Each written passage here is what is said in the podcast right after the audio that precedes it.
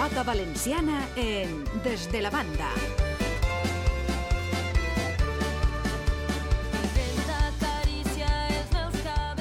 Pedro Valero, què tal? Bona vesprada. Què tal? Bona vesprada. Estem a 20 de març, arriben ja les partides claus de la Lliga de la temporada. Així és, ja estem amb bona part de la Lliga ja transcorreguda i ara arriben les partides clau on no se pot fallar. El que falle pràcticament que estarà eliminat i no entrarà en les semifinals. Això és més fàcil que el coeficient. Deixa'm donar-li l'enhorabona. Has entès alguna cosa, Pedro? Eh, poca, però, Ja sabia però, jo que però entendre tota la meva admiració al company Raül perquè és, és, és una assignatura d'enginyeria, la de la coeficient del futbol. Això és més fàcil, més fàcil el tema de la Lliga, com diguem, tant en escala i corda i en, com en raspall, la fase regular està ja acabant-se i ja estan tots eh, buscant el lloc en les semifinals.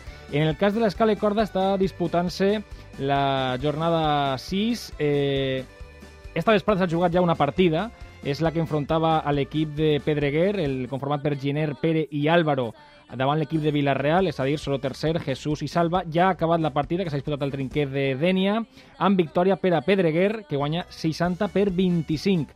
A partir de les 6 de la vesprada es juga la segona partida del trinquet de Dènia, que s'anomena el trinquet del Rovellet, eh, i que enfrontarà a Jorge Salvador, Fèlix i Bueno, davant per Roc segon, Nacho i Guillermo. Esta partida se podrà veure a partir de les 6 de la vesprada, és a dir, en res, en 20 minuts, a través de la televisió d'A Punt Mèdia, una partida en la qual el que guanye va tindre pràcticament ja també assegurada la classificació per les semifinals. Escoltem un dels protagonistes de la partida, que és Víctor Bueno, de Meliana, de l'equip de Dènia, que analitza així la partida. Al meu pareixer, la partida contra l'equip de Benidorm es presenta complicada. Ells venen de guanyar el, el dimecres amb remuntada inclosa i això es fa entrar en una dinàmica positiva que, que és molt bona per a ells en el moment de la fase regular en el que estem.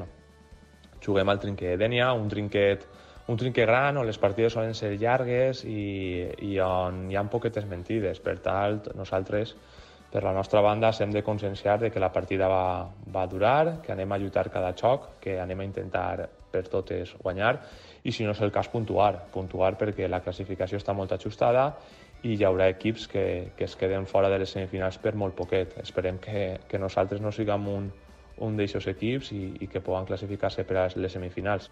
Fem un parèntesi, diu Bueno que la, el trinquet no té mentires. No té mentires vol dir que la pilota no fa estranys. Que la pilota... M'havia quedat en aquesta expressió. que la pilota no, no fa estranys, la pilota va on sembla que ha d'anar i no rebota en les parets i fa coses estranyes.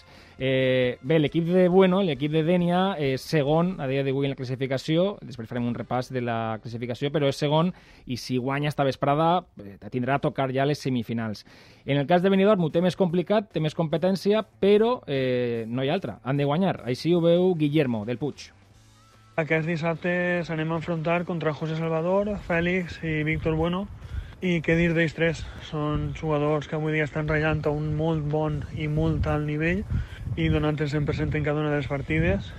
I nosaltres tenim que seguir amb lo nostre, amb la nostra manera de jugar, la nostra manera d'afrontar les partides, sent contundents en el nostre joc, tindre molta paciència i estar sobretot tranquils a l'hora de, de jugar cada xoc i cada 15 de la partida. Va ser una partida dura, però caldrà jugar-la i, i intentar guanyar aquesta i la última jornada per tal de poder accedir a, a les desitjades semifinals de la Lliga 2021. Insistís que a partir de les 6 de la vesprada, és a dir, en res, en 15 minuts, en la televisió de Punt Mèdia, esta partida entre l'equip de Dènia i l'equip de Benidorm en busca de les semifinals de la Lliga Bànquia d'escala i corda. Bona partida per esta vesprada. I demà diumenge, 21 de març, al trinquer de Xàbia, no se n'anem de la Marina, continua la Lliga. A partir de les 4 de la vesprada, l'equip d'Almussafes, és a dir, de la Vega, Javi i Carlos, s'enfronta al de Montserrat, Marc, Santi i Satxa, o Kuitov. I a partir de les 6 de la vesprada, l'equip de la Paula de Baibona, Puigol, Héctor i Hilari, s'enfronta al de Murla, Genovès segon, Tomàs segon i Conillet. Com estic explicant, la classificació està molt apretada per dalt. El líder, l'equip de Pedreguer, que ha guanyat esta vesprada, 10 punts en 5 jornades, és a dir, ple de victòries. El líder encara no està classificat matemàticament, però és un tema de temps, és un tema de coeficient, perquè no van a guanyar la resta tots, totes les partides i per el, el puntatge que cal, així que pràcticament virtualment ja en semifinals l'equip de Pedreguer, segon és l'equip de Dènia, Jorge Salvador, Fèlix i Bueno, 7 punts en 4 jornades, tercer el de Benidorm, quart el de la Paula de Ebona, el de Puigol, Héctor i Hilari.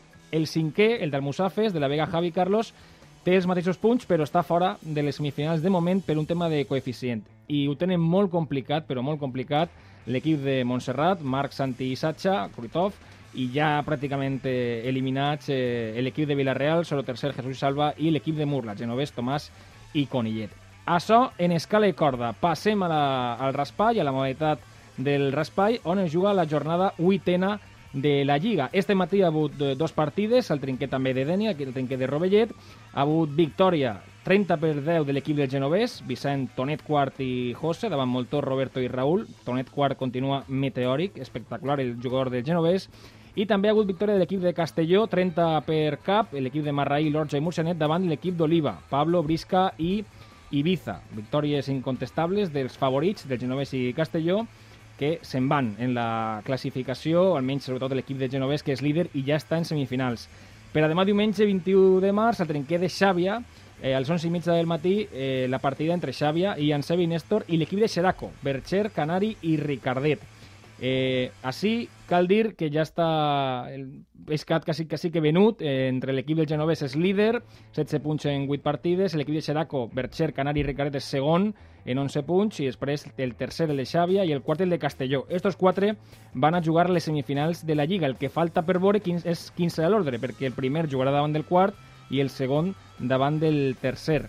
Eh, L'equip de Seraco, que és el que juga demà a Xàbia, eh, està conformat per Bercher, Canari i Ricardet, i avui volíem parlar amb el seu mitger, amb Canari, amb José Luis Planes Tejada, que és un dels clàssics, clàssics d'esta competició. Bona vesprada, bona vesprada, Canari. Hola, bona vesprada. Què tal, com estàs? Bé, sí, a mi les partides d'esta esta matí mirant les partides per analitzar els rivals i bé, ja hem preparat la, la partida per demà també. Abans que res, que sí som molt curiosos, per què això de Canari? És un tema esportiu, Buah, és algo de la pilota o és un tema del, del poble? Això és de família. A mon pare ja li diuen Canari i m'ha tocat ser a mi, saps? I, mos, I mos coneixen ahir, ahir jo, jo no puc fer res. És que jo... Hasta més, tots em coneixen per, per, per Canari, ningú em coneix pel meu nom. Això t'anava a dir, que dius en el trinquet José Luis Planes i ningú sap qui és. Que però... va, ningú, no saben ningú qui és. eh, suposa que satisfet, suposa que mirant les partides però satisfet perquè ja esteu en les semifinals, que suposa que és l'objectiu primer d'un equip quan comença la Lliga. Sí, veure, nosaltres vam començar així un poc regulars, però sabien que l'oportunitat de tindre 45 dies en la quarantena la tenien que aprofitar. I hem entrenat dur, han carregat molt i de 5 partides que hem jugat hem guanyat 4, que està molt bé. I ara ens queden els tres més forts, eh, que són els que s'han classificat just, justament. Això t'anava a dir, demà partida complicada, partida dura, perquè l'equip de Xàbia, Ian Sebe i Néstor, mm, podria estar perfectament en la final. Sí, sí, ese para mí el equipo era de favoritos, home. El favorito ja sabem qui és, que és Tonet de sobre i ara volem tots volem evitar a Tonet en semifinals. Ja, ja m'has llevat, ja llevat una pregunta que anava a fer-te ara després, però bueno, sí, sí. Clar, tots volem, tots volem fugir d'ell ara està clar que intentarem nosaltres quedar segons i tercers per enfrontar-nos contra, pues jo contra ella mateixa o contra Marraí. I és que damunt saps què passa? Que l'equip de Tonet ni ha, els dos xiquets els entreno jo també. Sí, eh, Canari ah. és entrenador, Canari és preparador, a banda de pilotari és preparador, i te volia preguntar això, com sé, sé que dus a pilotaris, que entrenes a pilotaris, i clar, com és això de poder entrenar algú que pot ser el teu rival en una competició com esta? Home, si arribarem a la final de sis jocs, quatre que entrenem nosaltres, a mi, això seria ja un orgull, i al final guanya el que guanya a una partida pot passar de tot. Tens un dia tonto i ja està, que és el que va passar ahir en CBD i Néstor l'altre dia que van tindre un dia tonto i, i Marraí sol es va guanyar. Però bé, estem acostumats, si n'hi ha molt de pic en Xeraco i tot, i, i vull o no, hasta entrenant volen tirar-nos a matar, saps? eh, com veus el teu equip? Creus que teniu opcions? Per on passen les opcions del teu equip, Jordi? Les opcions per un equip passen per continuar jugant conforme estem i eh, aprofitant les tretes de Berger i fent 15 si tu fas 15, fas jocs, i si fas jocs, guanya la partida. No serveix de res defendre, defendre, defendre i no atacar. I ser un líder. Al principi jo no era un líder i ara ja he assumit el meu rol de, de líder i mane jo i la resta de companys callen. Quan jo em veig un poc agobiat, que estic un poc cansat, ja li dic a, a, a Ricardé que m'ajude o a Berger que m'ajude. Més o més, nosaltres veiem més en equip no és com l'equip de Tonet, que mana Tonet i el 90% de l'equip sempre té que ser Tonet. Ja. Jo, per la meva edat, no puc ser tonet. Jo tinc quasi... Enguany faig 30. Bueno, és que necessite... dius, dius 30 com si això fora quasi la jubilació, i 30 està molt Home, bé, és una ja, bona. però, jo, però jo necessito de Berger i de Ricardets. Jo no puc guanyar a soles, sense ells. I radiquen això, i sí que es nota, perquè jo no puc marejar-me com ell. Tonet, Tonet té 22 o 23 anys, és com es mareja més que tots. I, i el veus, el veus en el trinquet i pareix que n'hi dos o tres jugadors més allà, Sí, saps? sí, és un gat, és però, un gat. però jo ja sé l'estratègia i més o menys com tinc que guanyar-li. Eh, estàs dient això que, que és cert, que tens quasi ja 30 anys, que eres, jo he dit això, que eres un clàssic en la Lliga de. Bànquia, eh, però clar, així hem parlat moltes vesprades de, de la nova generació de jugadors del Raspall. És una cosa que venim repetint de, quasi que setmana darrere setmana. Els jovens que estan jugant a Raspall. Clar, tu en 29 anys te veus ja com un veterà, suposa.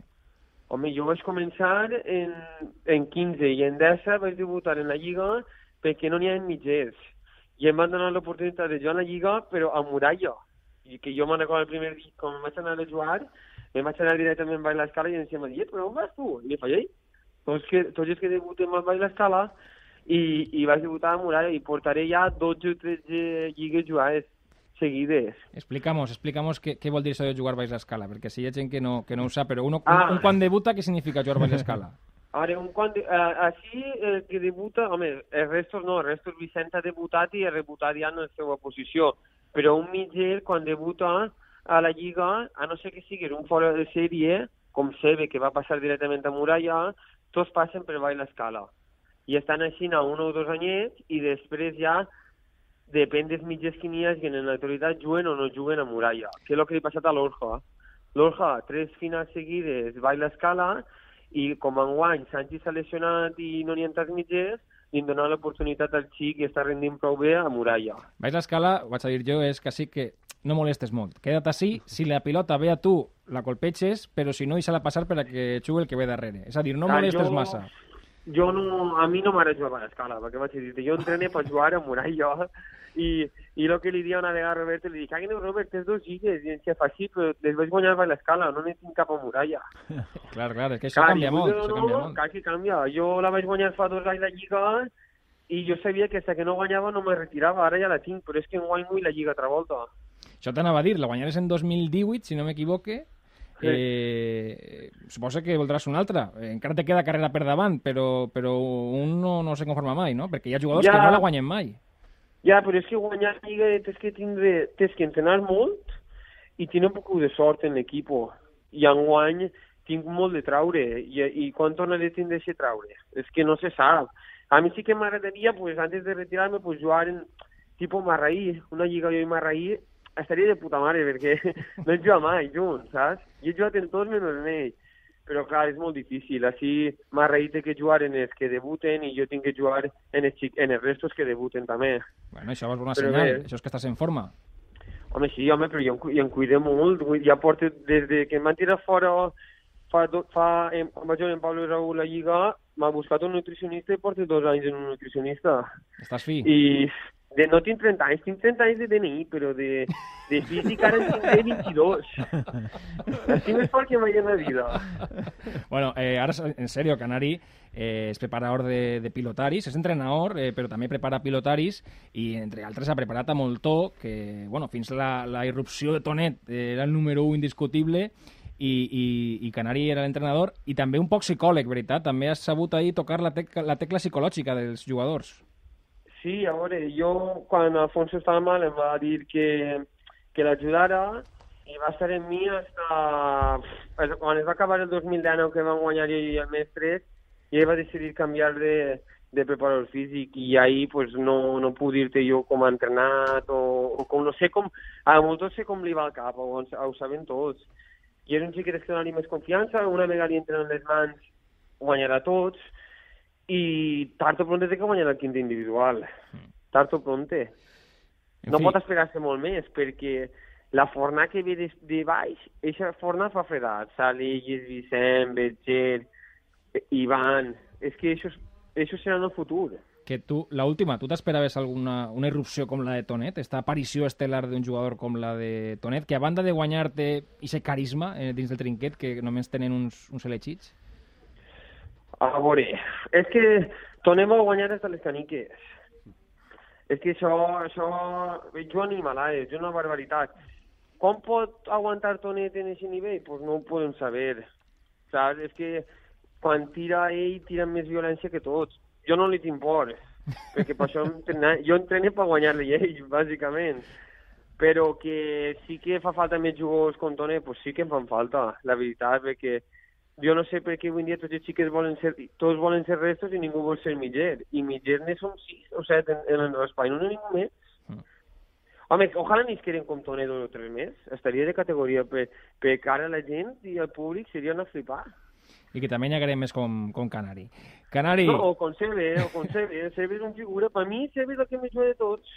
Sempre ho he dit, és el que més me'n sé de tots. I el que dia- arribarà als 40. l'altre dia parlarem amb ell, que estigui molt bé també, amb Moro, que va ser un poc el seu, el seu mestre iniciador i això es contava, que sí, que és un gran, un gran jugador. Canari, molta sort demà en la partida i també en el que queda de Lliga. A veure si et poden veure en la final. Vale. Val? Vale, gràcies. Una abraçada, gràcies. Adéu.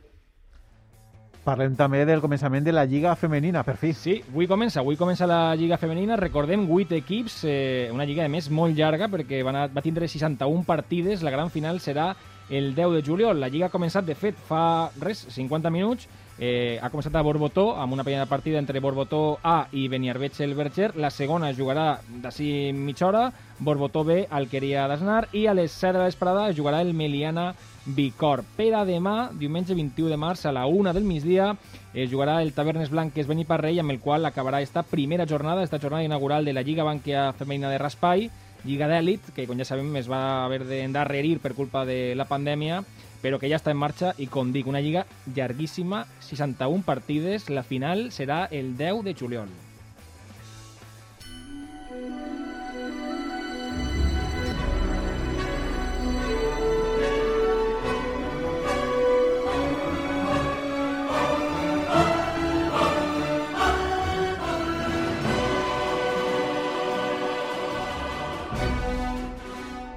Pedro, ara de seguida ens expliques i es contes eh, quina banda sonora de quina pel·lícula és la música que estem escoltant per explicar-nos qui són els cinc de Pelayo. Sí, jo volia fer avui una mescla entre americans, xinesos i valencians, perquè és la banda sonora dels Quatre Fantàstics, la pel·lícula eh, estadounidenca de, bueno, dels, dels herois, no? dels Quatre Fantàstics, i venia això a, a, a cuento de què venia això? Venia això per la polèmica que ha sorgit estos dies amb l'anunci de la instal·lació o no d'estos portals eh, xinesos al carrer Pelai, de València, que ha generat un poc ahí de, pues sí, de malestar en el món de la pilota, en el món de la, de, del, al voltant del trinquet Pelai de, de València, i s'ha comentat, s'ha anunciat, de fet, s'ha dit que hi ha un projecte de la Fundació per la Pilota Valenciana que ja està entregat a l'Ajuntament de València en el qual es vol que el carrer es peaton- peaton- peatonalitze perdó, i que hi hagi una escultura o diverses escultures, cinc escultures en concret,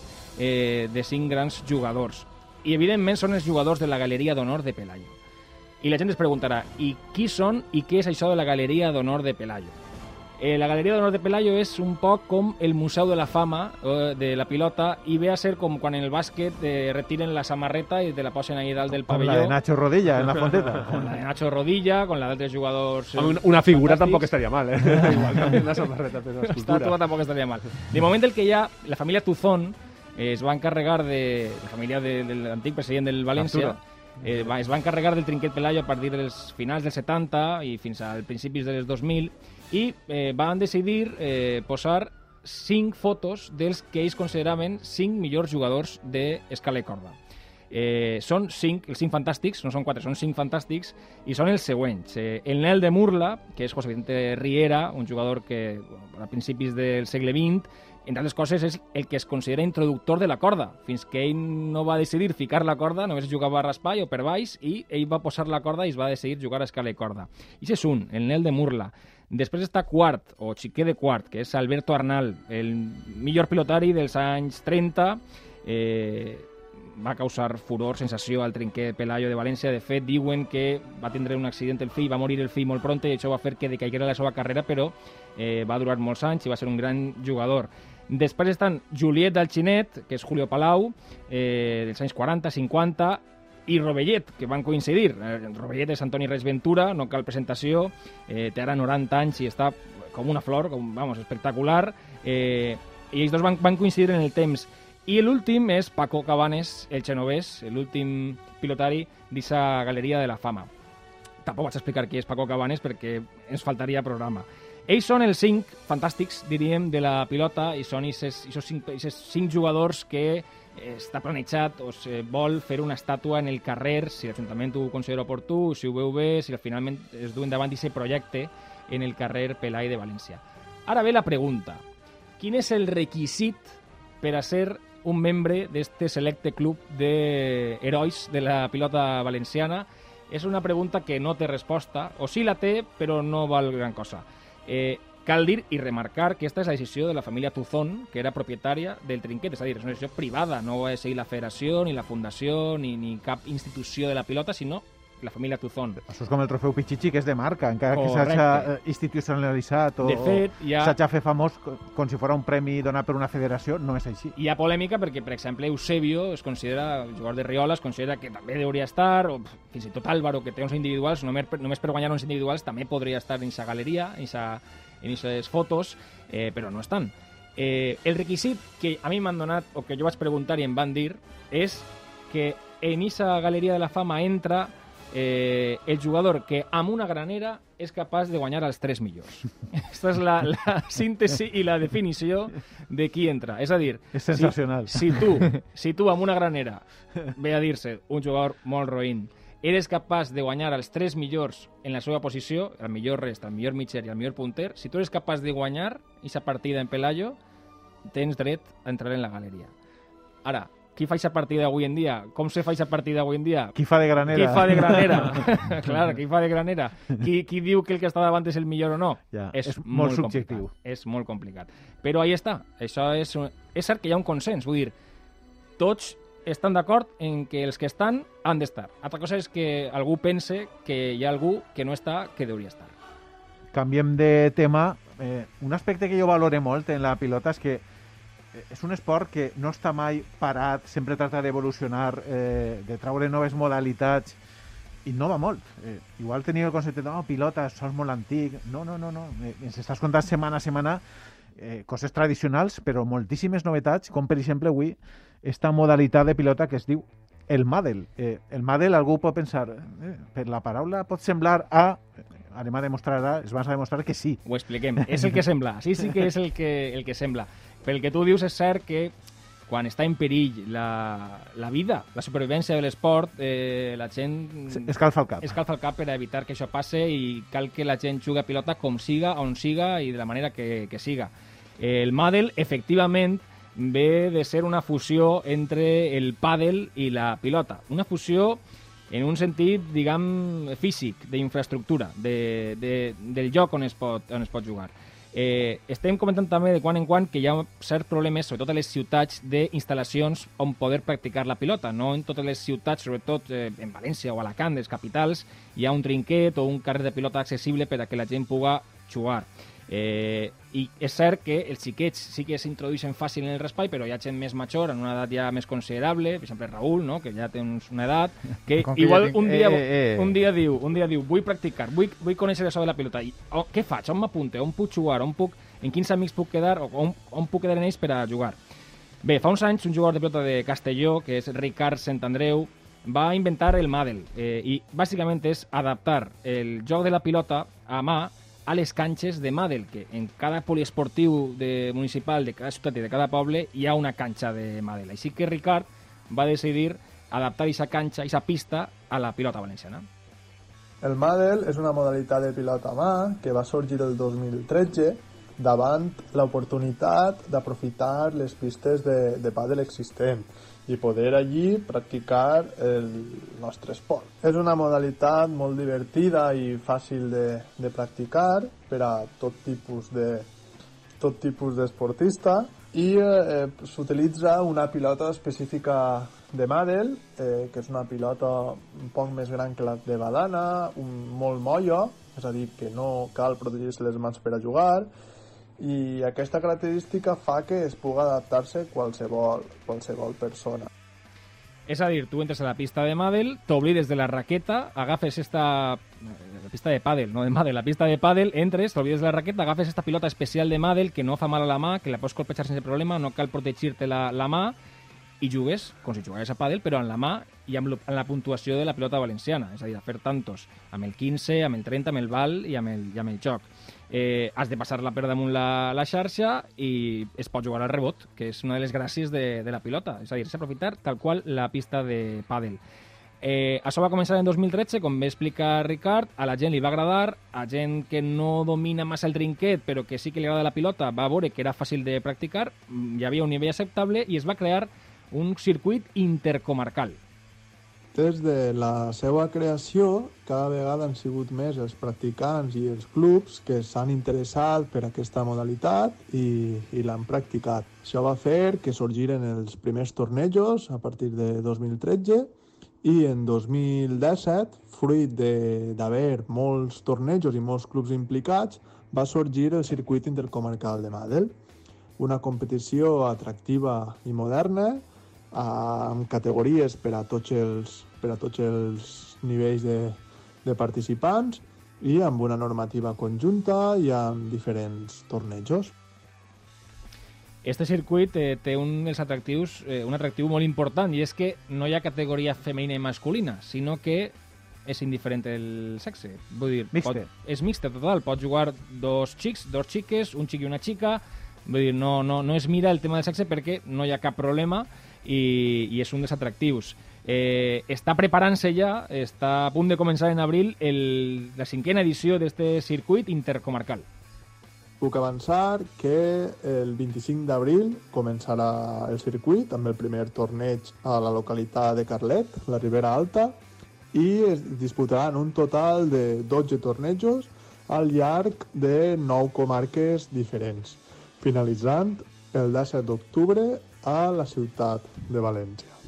Si algú està interessat, si vol apuntar-se, si vol provar, pot entrar en madelpilota.com i ahí està tota la informació respecte a aquesta modalitat de Madel, que bé, la federació no la considera una de les modalitats típica de la pilota valenciana, però sí que està proper d'ella, eh, juntant forces, sinergies, per a que almenys la pràctica de, de la, del Madel servisca per a, per a, com a pont per entrar dins de la pilota valenciana. Ho, ho practicaré, no? Eh? Jordi, tu també Ah, tu t'apuntes. estàs molt bé, El, el, que, el que passa és que tinc el trinquet de tibi Jo- més prop d'Ibi crec, i, i jo crec, sí que podria anar jo crec a que a, a punt media hauria tindre un equip en el circuit intercomarcal de Madel. Des d'ací llança el guant a Xavi Alberola, a Juan Carlos, a tot el món que vulgui apuntar-se. Jo crec que a Els punt col·laboradors hauria... també, eh? No, jo estic d'entrenador. Jo Jo- faré com canari. Ah, Jo faré com canari. Jo ja m'ho la banda. Ja buscat parella, Nacho. un equip hauríem fet. Jo a Nacho. Bueno, jo per a doblar la viga no estic molt, eh? Jo de granera. ja, està, ja està clar. Pedro, dis-ho tu, va. Bueno, moltes gràcies i salut i pilota. Salut i pilota.